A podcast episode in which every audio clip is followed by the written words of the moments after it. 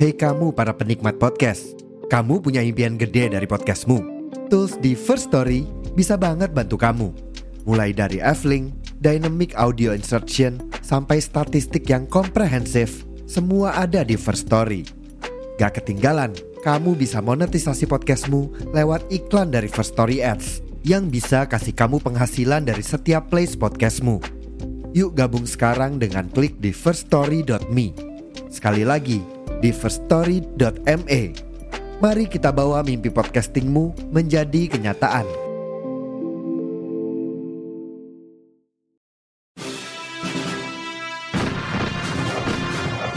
Saya berbicara di sini sebagai penyambung lidah rakyat Indonesia.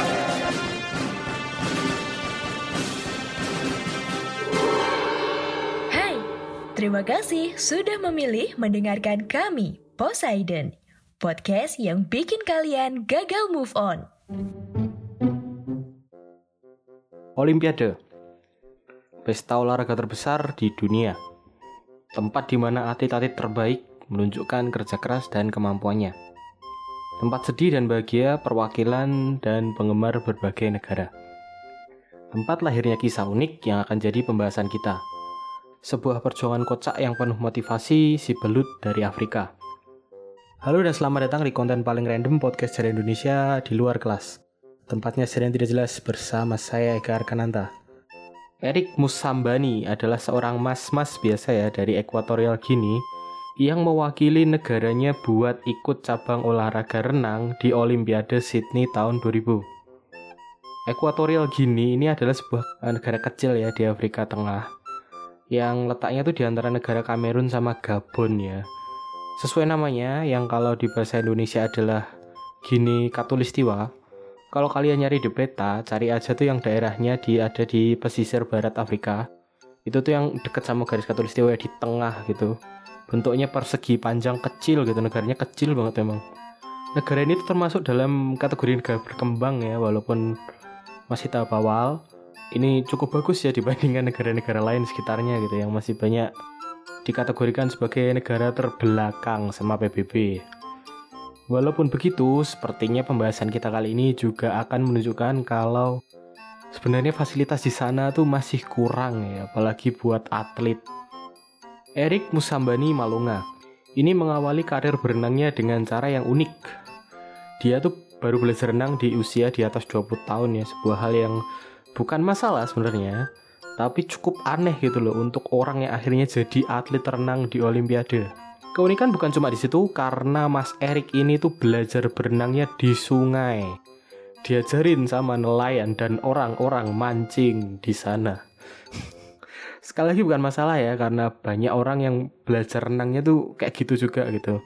Tapi ini tuh lima bulan ya sebelum dia resmi jadi atlet buat Republik Ekuatorial Guinea.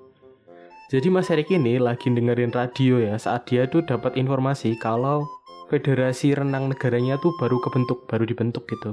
Dan mereka tuh buka perekrutan buat atlet. Karena kebetulan tempat perekrutannya tuh dekat sama tempat dia tinggal dan semangat belajar berenangnya tuh masih sedang tinggi-tingginya, sedang menggebu-gebu gitu.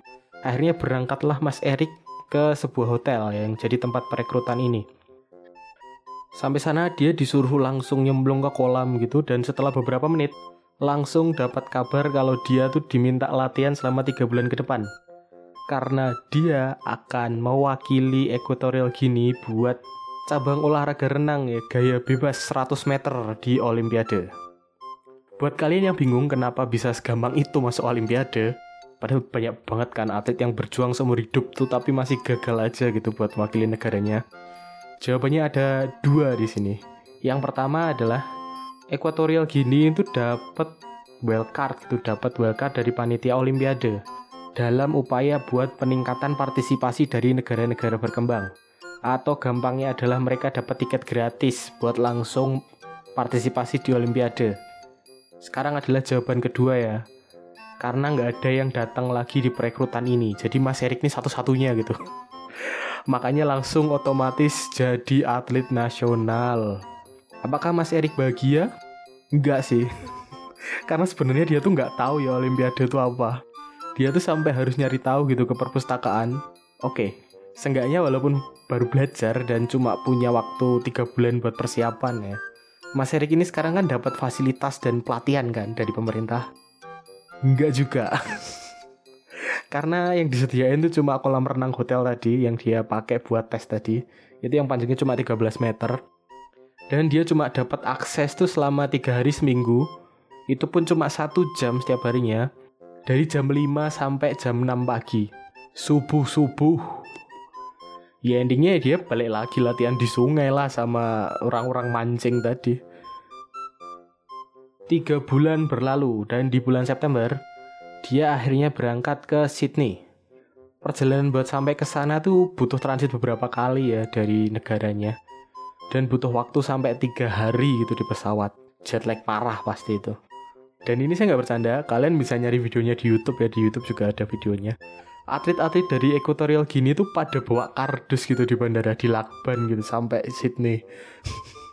Apakah ini tuh ciri-ciri khas negara berkembang gitu loh? Kenapa mirip kita gitu loh waktu mudik? Walaupun ya bukan kardus mie instan ya kalau di sini kan biasanya kardus mie instan gitu. Di lakban coklat gitu. Erik Musambani seorang mas-mas Afrika biasa yang baru belajar renang 8 bulan di sungai akhirnya bisa ngelihat kolam renang olimpiade. Dan bayangkan betapa kagetnya dia ya pertama kali ngelihat ukuran asli kolam renang yang dia akan pakai buat kompetisi itu orang biasa latihan di kali tiba-tiba suruh nyemplung kolam renang 50 meter ya bolak-balik lagi 100 meter kan? Jadi bolak-balik gitu. Sialnya lagi ya kasihannya lagi Mas Erik ini tuh dapat jadwal latihan. Itu tuh bareng sama Amerika Serikat ya. Negara yang kalau di kategori renang tuh udah pasti borong medali gitu. Minder banget dong dia. Sampai dia sendiri tuh bilang di wawancara. Wawancara yang juga ada ya kalau kalian mau nyari kalau dia tuh cuma bisa ngeliatin peserta lain gitu latihan. Karena dia bener-bener nggak tahu harus ngapain. Jangankan melompat sama meluncur di awal di start gitu. Teknik berenang yang proper aja tuh kan dia nggak tahu. Sampai dia tuh tanya-tanya gitu dia minta tolong sama peserta sama tim-tim negara lain buat ngajarin dia. Kebanyakan ya ngacangin dia ngapain lah bantuin peserta lain gitu. Tugas mereka kan mastiin negara masing-masing buat menang. Di antara orang-orang tadi itu cuma satu orang ya akhirnya tuh mau ngebantuin si Mas Herik ini. Seorang pelatih dari Afrika Selatan. Pertama tuh dia mastiin dulu gitu loh soalnya memang Mas Herik tuh nggak kelihatan kayak peserta Olimpiade kan. Dari dandanannya dari keahlian yang dari skillnya. Setelah dijelasin segala kondisi dia sama negaranya pelatih Afrika Selatan itu akhirnya kasihan ya dan mau ngebantuin Mas Erik ini seenggaknya tuh biar bisa berkompetisi kayak yang lain gitu. Nggak ketinggalan banget lah. Mulai dari ngajarin teknik dasar sampai peraturan ya. Sampai ngasih Mas Erik ini tuh pakaian renang yang proper gitu buat kompetisi. Karena ya dia sampai latihan tuh masih pakai celana pendek biasa ya, yang jelas tidak masuk kualifikasi gitu buat pakaian lomba kan akhirnya Mas Erik ini tuh dikasih lah speedo speedo celana renang cowok tuh ya.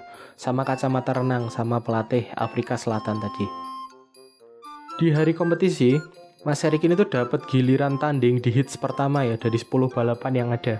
Dia dijadwalin ngelawan Karim Bir dari Niger sama Farkot Oripov dari Tajikistan. Dan kalau dilihat dari fisik sebenarnya Mas Erik Musambani tuh yang paling kelihatan atlet sebenarnya meyakinkan gitu loh. Walaupun ya kita tahu keahliannya ya kenyataannya gimana kita kan tahu. Belajarnya kali bro. Ngelawan arus melawan ekspektasi. Gimana nggak keren coba badannya? Berdiri berjajar di blok semua peserta bersiap menunggu tanda untuk dimulainya balapan. Dan Ber dan Oripov ini tuh nyemplung ke kolam renang. Sementara Mas Erik ini cuma bengong berdiri kebingungan yang terjadi adalah dua atlet ini didiskualifikasi karena mendahului start, menjadikan Mas Erik Musambani harus berenang sendiri di hadapan ribuan orang. Ya walaupun masih kaget dan ketakutan dia jelas dia nervous banget pasti. Dia udah gak punya pilihan lain. Udah terlalu jauh gitu loh buat dia nyerah sama keadaan. Dia nyemplung, dia mulai berenang. 50 meter pertama dia lalui dengan sekuat tenaga.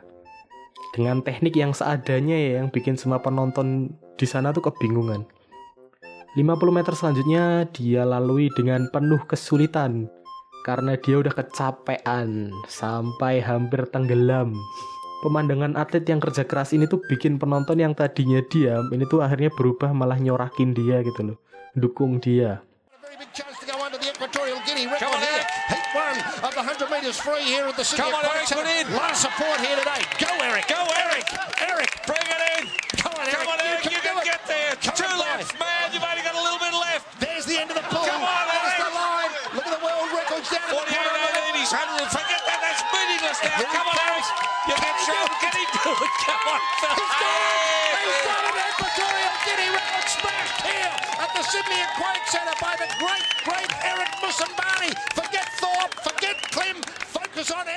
Eric. Musambani akhirnya mampu menyelesaikan balapan dengan susah payah dalam waktu 1 menit 52 detik 72 menjadikannya adalah pemegang rekor perenang terlambat yang menang balapan di Olimpiade.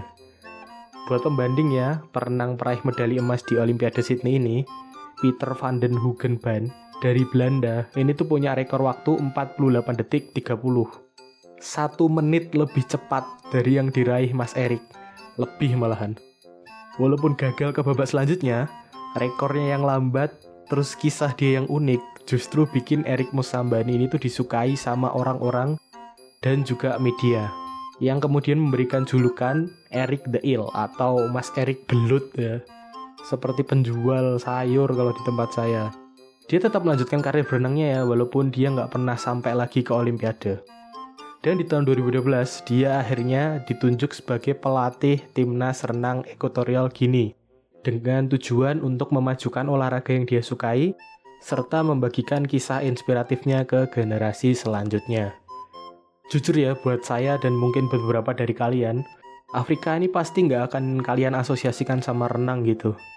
Karena gambaran media tentang Afrika tuh yang jarang air gitu ya, dan sekalinya ada sungai itu kalau nggak isinya berita kuda nil ngamuk nyerang warga ya dokumenter buaya gitu lagi. Dan pembahasan kali ini ini sepertinya juga tidak merubah pandangan itu sama sekali. Walaupun di sini nunjukin ya kalau mereka tuh sebenarnya punya minat dan potensi, tapi masih kurang dari segi prasarana dan dukungan. Pelajaran yang bisa kita ambil adalah eh, untuk jadi dikenang itu nggak perlu jadi yang terbaik, kadang kalian perlu jadi yang paling unik. Terima kasih yang sudah mendengarkan. Kritik dan saran bisa dikirim ke Instagram at podcast underscore sejarah Indonesia atau ke Instagram pribadi saya di at roti kecap. Jika ada kesalahan, saya mohon maaf sebesar-besarnya. Saya Garkan pamit. Sampai bertemu di konten Poseidon yang lainnya. Bye-bye.